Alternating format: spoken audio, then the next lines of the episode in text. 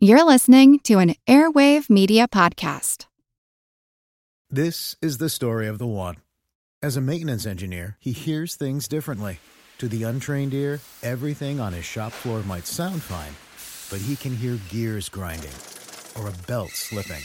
So he steps in to fix the problem at hand before it gets out of hand. And he knows Grainger's got the right product he needs to get the job done, which is music to his ears. Call, clickgrainger.com, or just stop by. Grainger, for the ones who get it done. We all know how important it is to keep your eye on the money, and not just your own. Stay on top of the latest financial and market news with Yahoo Finance, a podcast that releases new episodes almost every day. You'll hear a brief overview of the biggest news in the financial world, all in three minutes or less, right after markets close. Check out Yahoo Finance wherever you get your podcasts. That's Yahoo Finance wherever you get your podcasts. This is Kick Ass News. I'm Ben Mathis.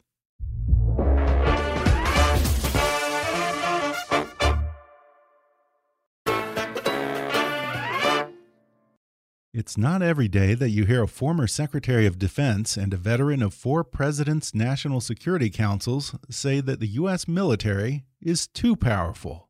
But that's exactly the stance that Robert Gates took during his time as Secretary of Defense to Presidents George W. Bush and Barack Obama. And now, in a new book called Exercise of Power American Failures, Successes, and a New Path Forward in the Post Cold War World, Gates continues to make his case that America overuses and often misuses the military to achieve our strategic goals while neglecting more practical non military options at our disposal. And today, Robert Gates joins me on the podcast to discuss how Congress and the last five presidents have allowed many of those non military instruments of power that served us so well during the Cold War to wither and die over the past three decades. He suggests that presidents need to be less monastic and more Madison Avenue in how we talk about the good that America does around the world, that presidents need to take time to better explain their goals to the media, and to convince the American people to take a broader, more long term view of the U.S. national interest, because as he points out, America's allies are her greatest resource against adversaries like Russia and China.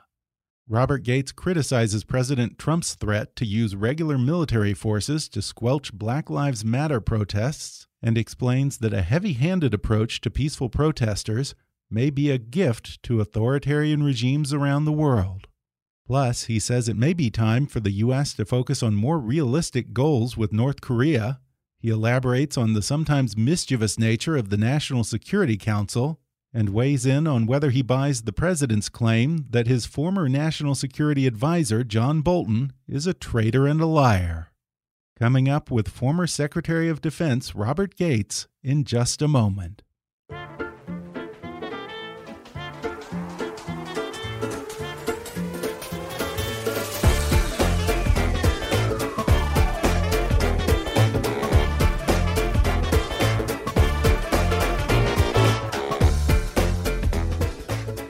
Robert M. Gates served as Secretary of Defense under Presidents George W. Bush and Barack Obama. He was an officer in the United States Air Force and worked for the CIA before being appointed director of that agency. A member of the National Security Council staff in four administrations, he served eight presidents of both political parties. He's also the author of the best selling books Duty and A Passion for Leadership, and now he's out with his latest book, Exercise of Power American Failures, Successes, and a New Path Forward in the Post Cold War World. Dr. Gates, welcome to the show. Thank you very much. Happy to be here. Well, Dr. Gates, I really enjoyed Exercise of Power. And I guess the thesis of your book is that presidents need to use the full range of American power, not just the military.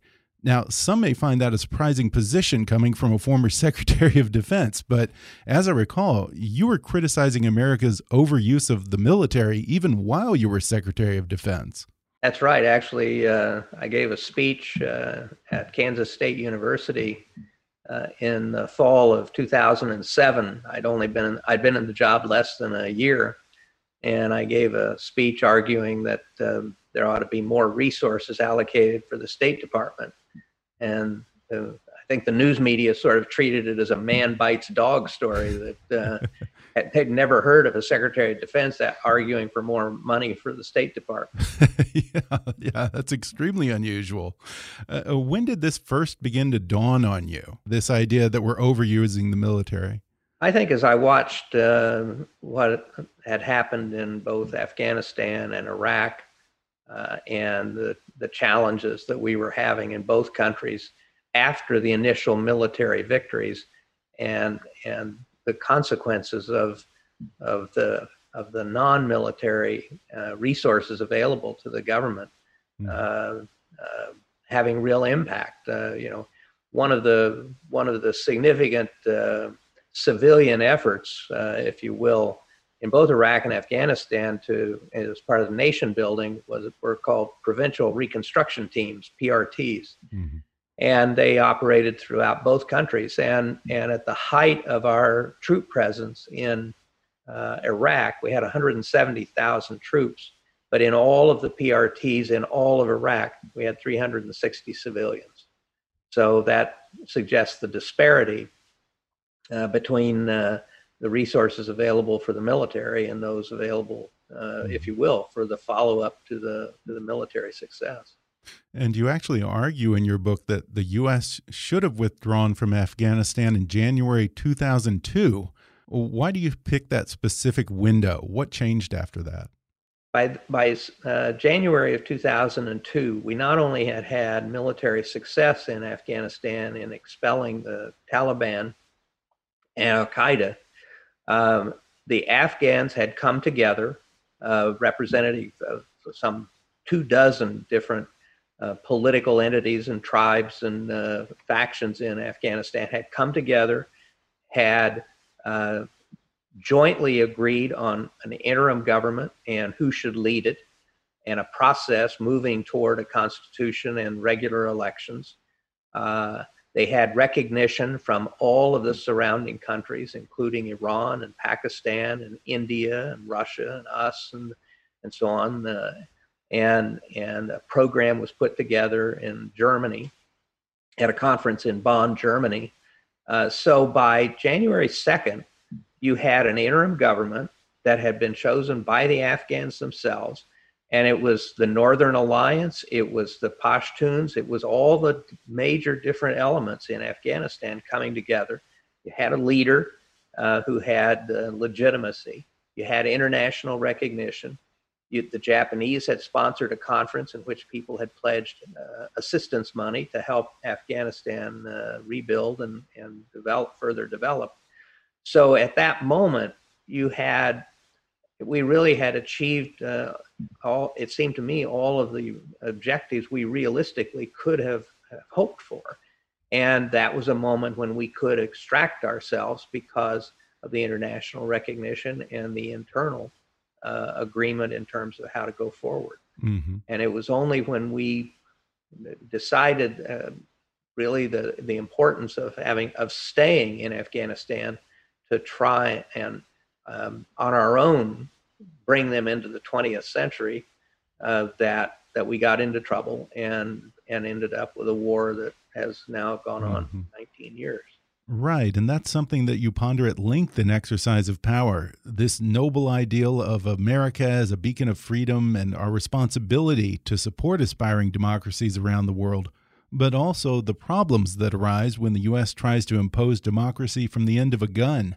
Now, to go back to the thesis of your book, that America relies too heavily on the military and not enough on these other tools such as diplomacy, economic assistance, strategic communication, etc you say that this is a question that you began considering way back in 1993, back when the U.S. was on top of the world after the fall of the Soviet Union.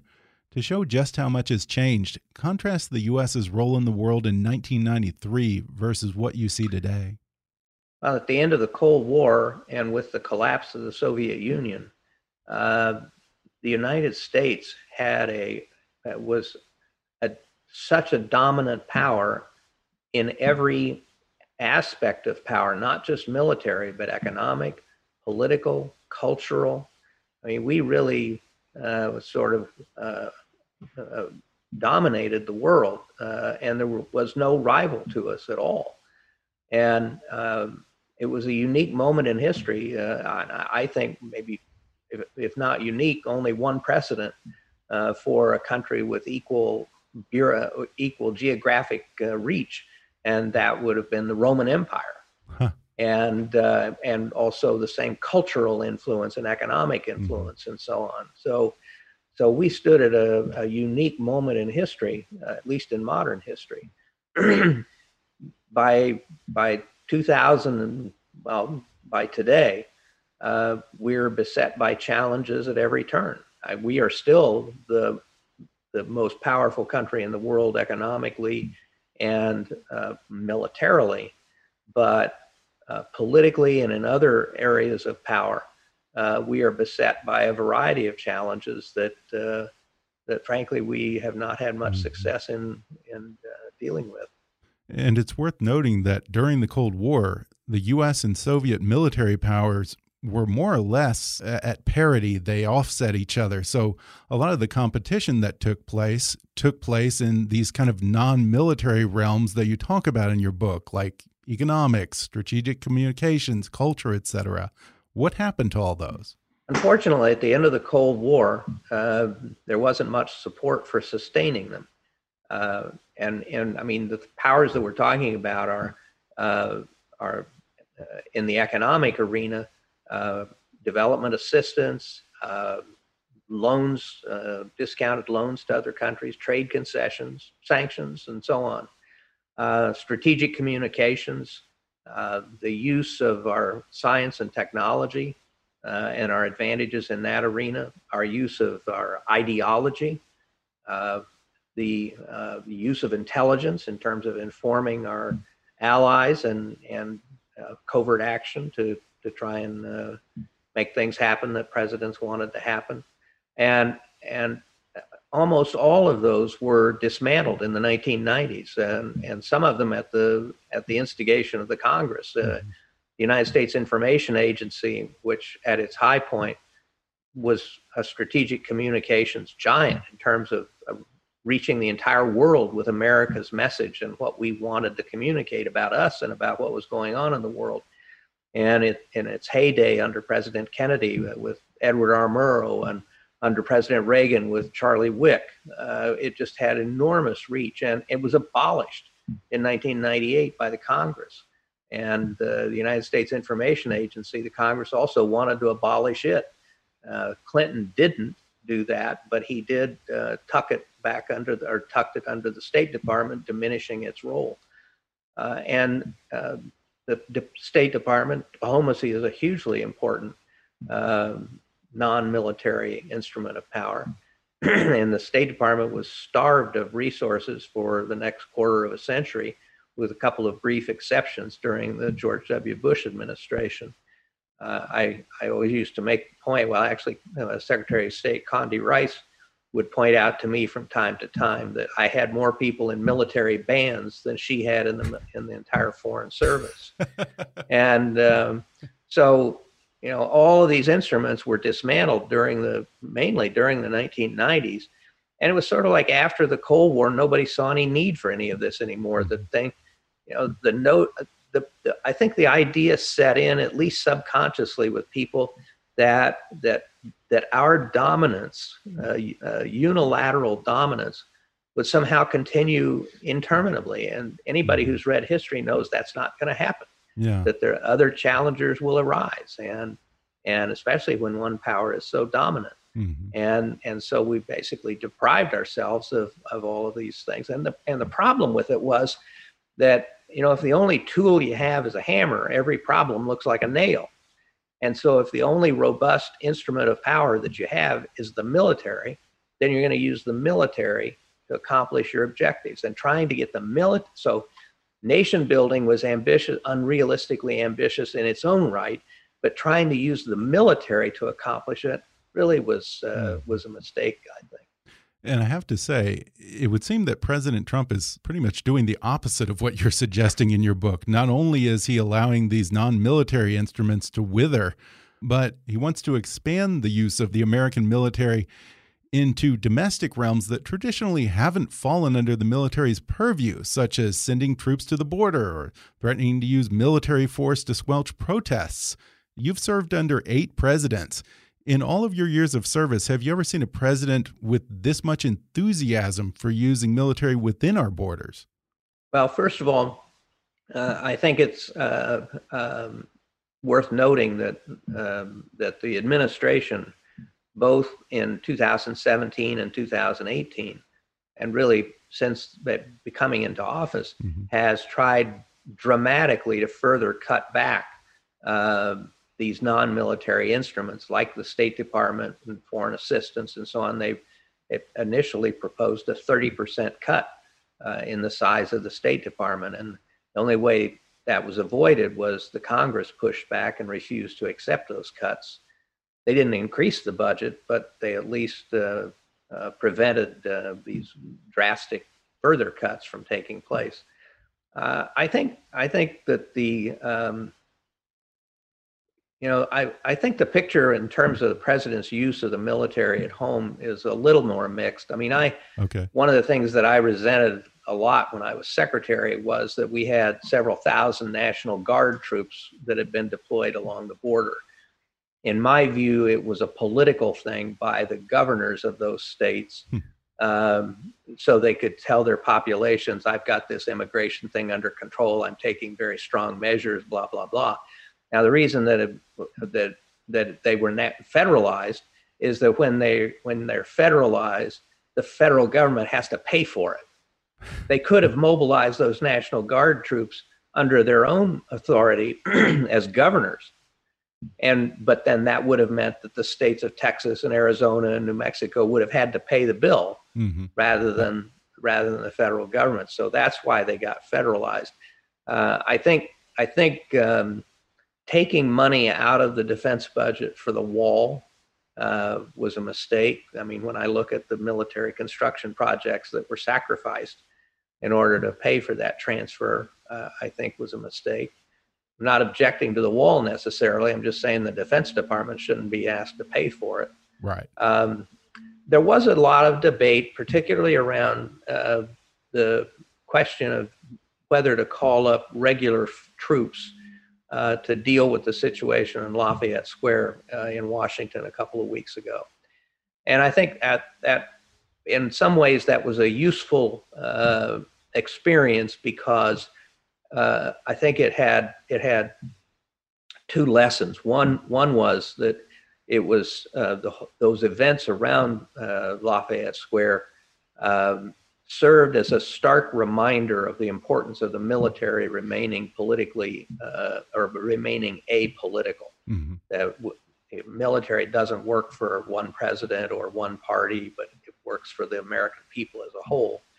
And, and I think the pushback from some former senior military officers, uh, General Mattis, uh, Admiral Mullen, General Dempsey, both, the latter two, both former chairman of the Joint Chiefs, uh, against the use of regular troops uh, and the use of the Insurrection Act, which authorizes the president to use regular troops domestically, was a, a useful uh, reminder of the importance of the military being apolitical. But I think also, um, you know, every president I worked for loves loved to use the military as a political prop. Sure. Uh, there's just nothing like having a bunch of soldiers or generals behind yeah. you to suggest that you know you're a really powerful guy.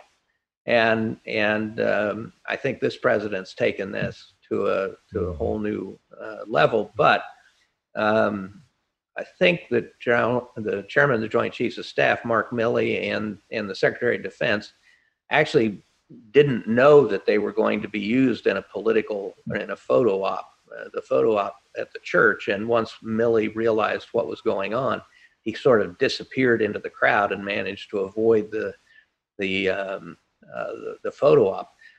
But it, but it evoked a lot of criticism that he was there in the first place. And, and he apologized for that, and it was a it was an important reminder for the senior military of not letting themselves be exploited in a way that appears political. So it reinforced the point about not using regular troops and about the military being apolitical. Mm-hmm. And I think both Esper and Milley have sent messages through the whole chain of command, sort of reminding people at every level of the importance of the military uh, remaining apolitical. And I think I think in that respect, um, there was some value that came out of uh, that uh, lamentable episode, uh, simply in sort of reinforcing uh, what had been a long-held tenet, and yeah. and also I think uh, stiffening the uh, the resistance in the Department of Defense not to be used or exploited uh, in that way again. Yeah. Let me ask you this. When the president uses force on peaceful protesters in Lafayette Square or threatens to use regular military forces against protesters around the country, doesn't that undermine America's moral authority and invite Russia and China to weaponize those controversies to justify their own authoritarian abuses? Well, and and really doesn't even need to be limited to the military. There's no question, but mm.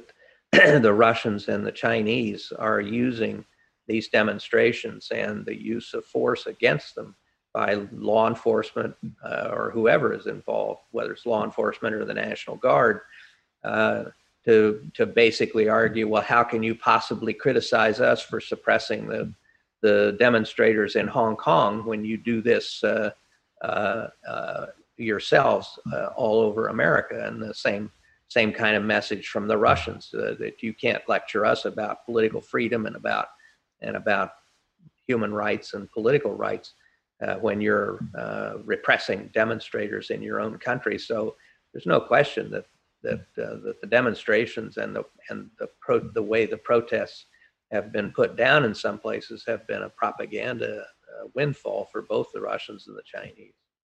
We're going to take a quick break and then we'll return with more when we come back in just a moment.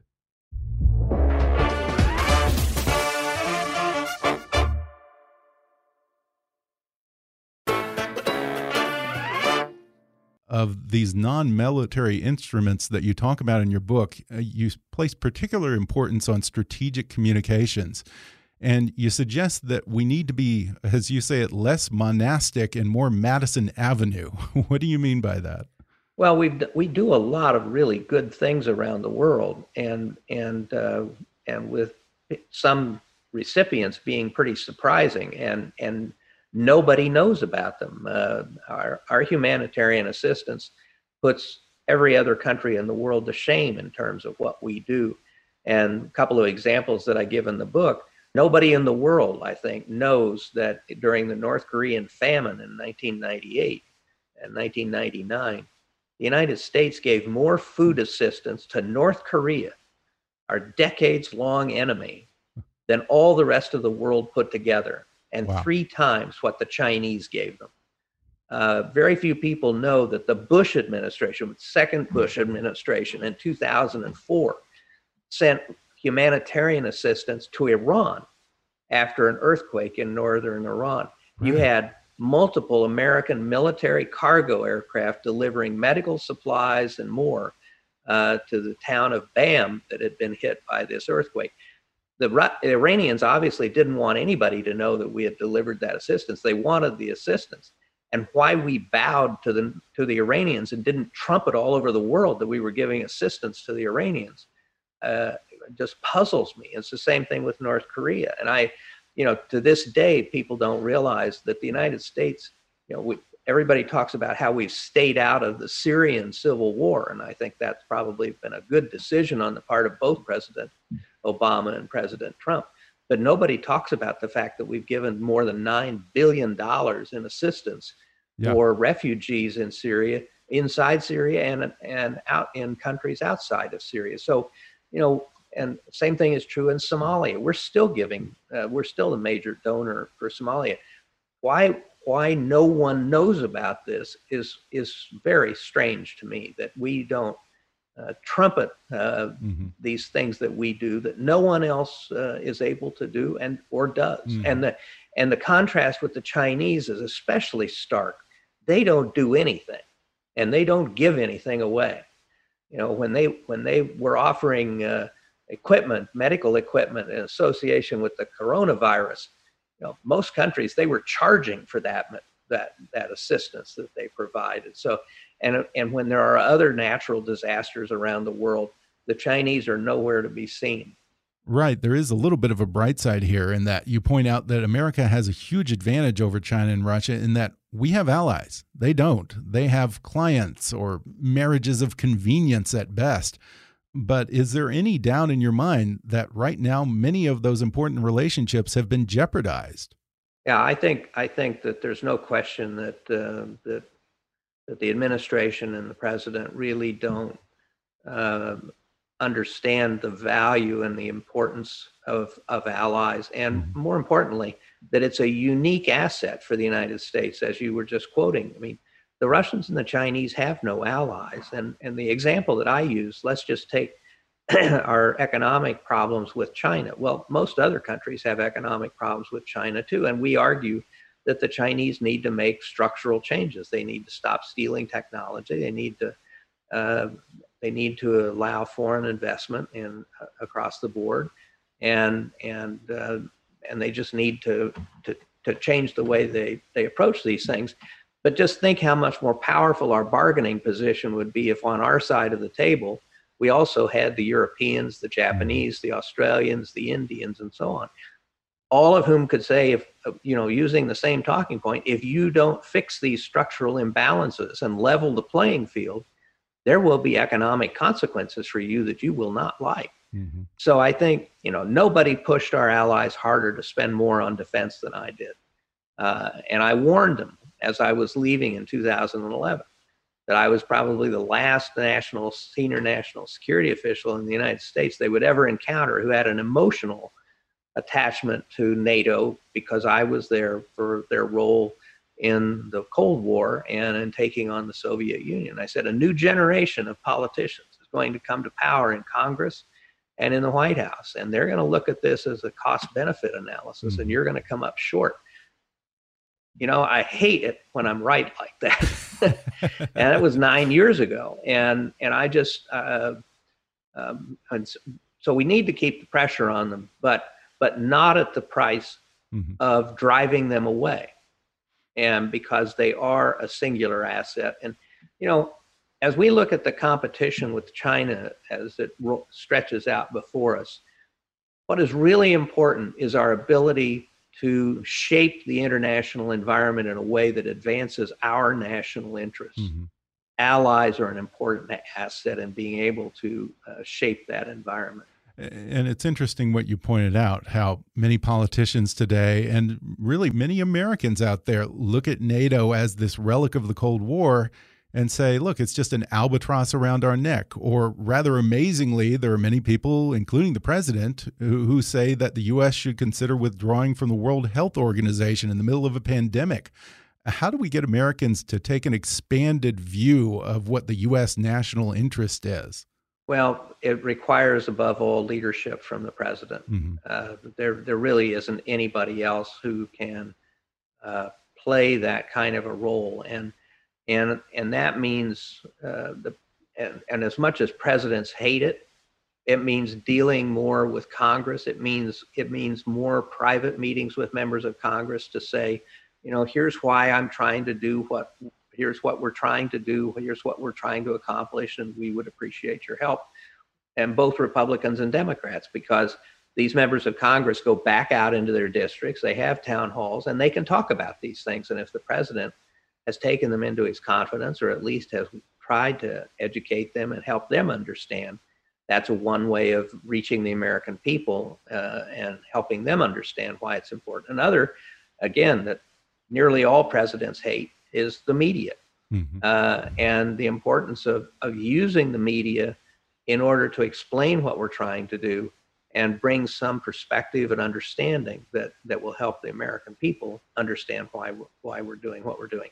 But as I point out in the book, you know, the truth is most Americans aren't very interested in international affairs, and they certainly aren't very interested in in spending money overseas. And and now after 20 years of war, they're sure not interested in sending our troops over for anything other than a direct threat to the United States mm-hmm. overseas. so it's up to the president, and and this is not new. this is i think this is characteristically american. You know just leave me alone. Let me go on with my daily life and and uh, and and and and let's just mind our own business and uh, tend to our knitting here at home. And and it's up to the president and our political leaders to help americans understand uh, that we can't isolate ourselves that way that we are uh, inextricably tied up with the rest of the world in every conceivable way, not just economic. And if there was ever a reminder of how interconnected we all are, the coronavirus is a perfect example. Yeah. Uh, but but so were the terrorist attacks that came out of Afghanistan. Who who ever expected that the United States of America, for the first time since the War of 1812, would be attacked? The continental United States would be attacked out of Afghanistan, for heaven's sake. So people need to be reminded that that we can't ignore the rest of the world because the rest of the world won't ignore us. Yeah. And and we are and and it's just as true economically as I mean when you look at the amount of agricultural products that American Midwestern farmers are selling to China, tens of billions of dollars worth. That's just an illustration of, of how interconnected we are, but it's the responsibility and the duty of our political leaders mm-hmm. to explain that to the American people. And mm-hmm. they may not be enthusiastic about it, but if they understand it, at least they'll go along mm-hmm. with it. Well, in the time we have left, I want to spend some time talking about some of these specific geopolitical challenges that you discuss in your book. China has been very aggressive in developing a lot of those non military instruments that we have failed to use in recent decades. In particular, the Belt and Road Initiative comes to mind. Should the U.S. have found a way to have a seat at the Belt and Road table? I mean, just because it's China's idea doesn't necessarily make it a bad idea.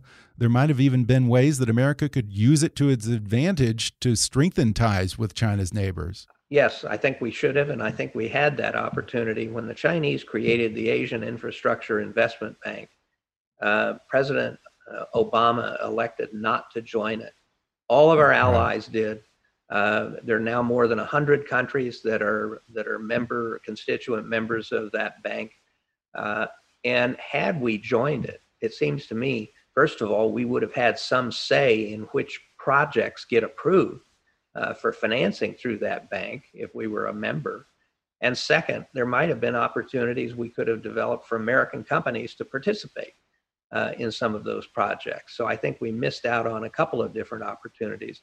So I think that was a big Obama mistake. I think President Trump's mistake was in walking away from the Trans Pacific Partnership. Sure. Um, which now those 11 countries have decided to go ahead on their own without the United States. And now the Chinese are talking to them about the Chinese joining the Trans Pacific Partnership. But this would have been one of those places that I talked about earlier where we had all our allies on one on our side of the table to deal with the Chinese uh, uh, with a common agenda. So I think that uh, we we've missed a bet in, you know, and it goes to the larger question you mentioned, the World Health Organization.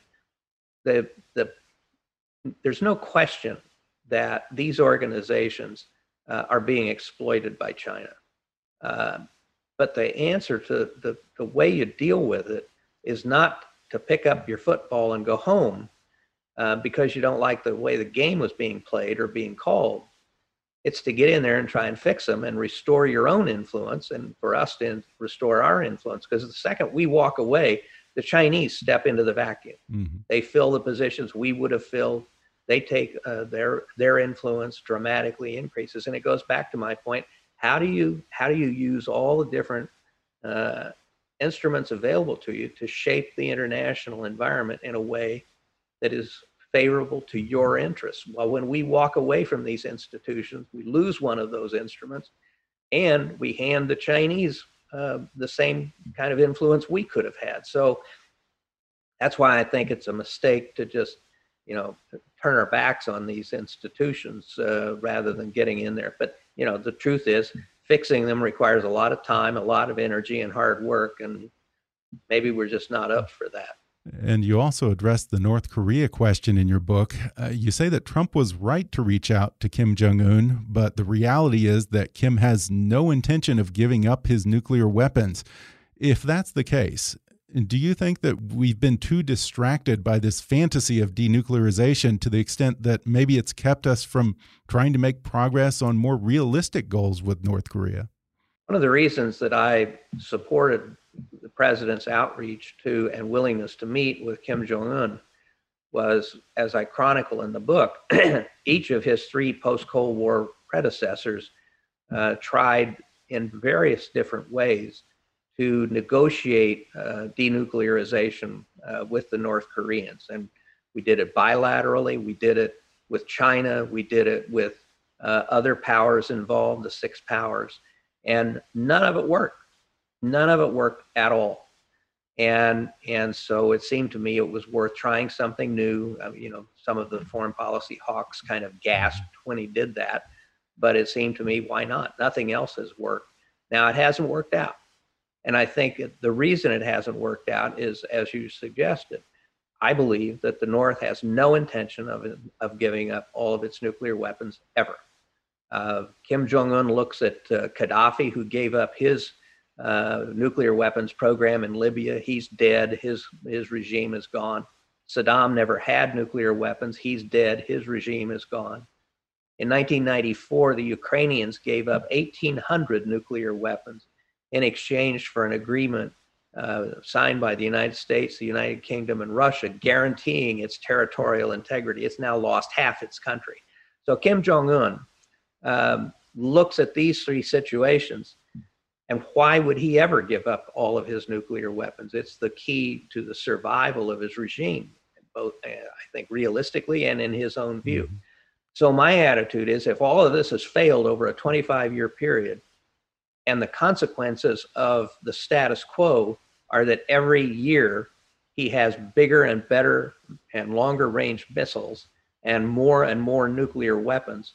Why would we not try and negotiate some kind of a deal that allows, that basically recognizes North Korea as a nuclear weapons power, mm-hmm. which it is, and, and try to limit the number of those weapons to a very small number and and have the most intrusive inspections regime possible anytime any place kind of inspection so we know they're not making new more nuclear weapons in exchange for lifting some of some or all of the economic sanctions. So i'm just trying to deal with the world as it is not the world as we wished it would be.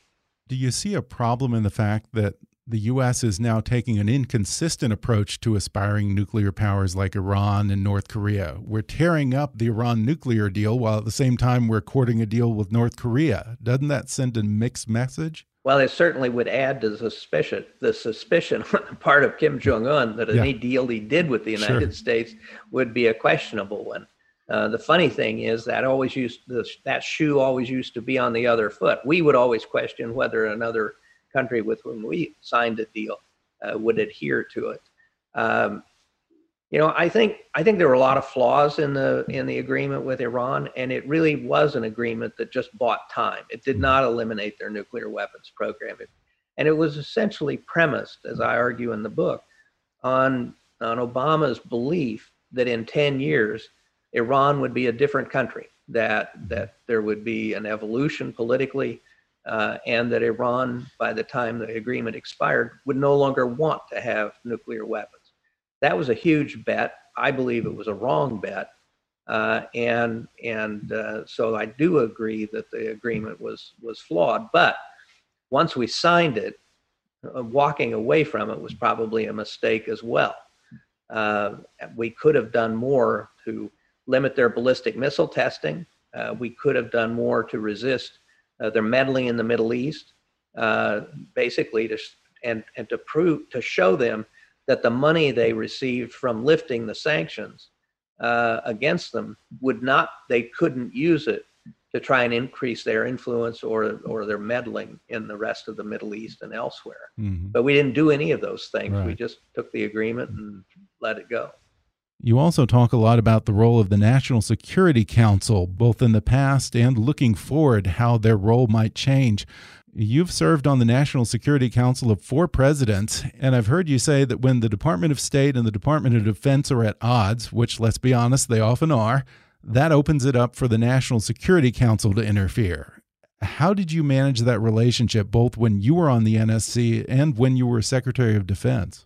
When I was Deputy National Security Advisor under the first President Bush, first of all, we were very lucky in that uh, we had a very strong and congenial uh, team. As I write in the book, um, for most of my career, the Secretaries of State and Defense couldn't stand each other.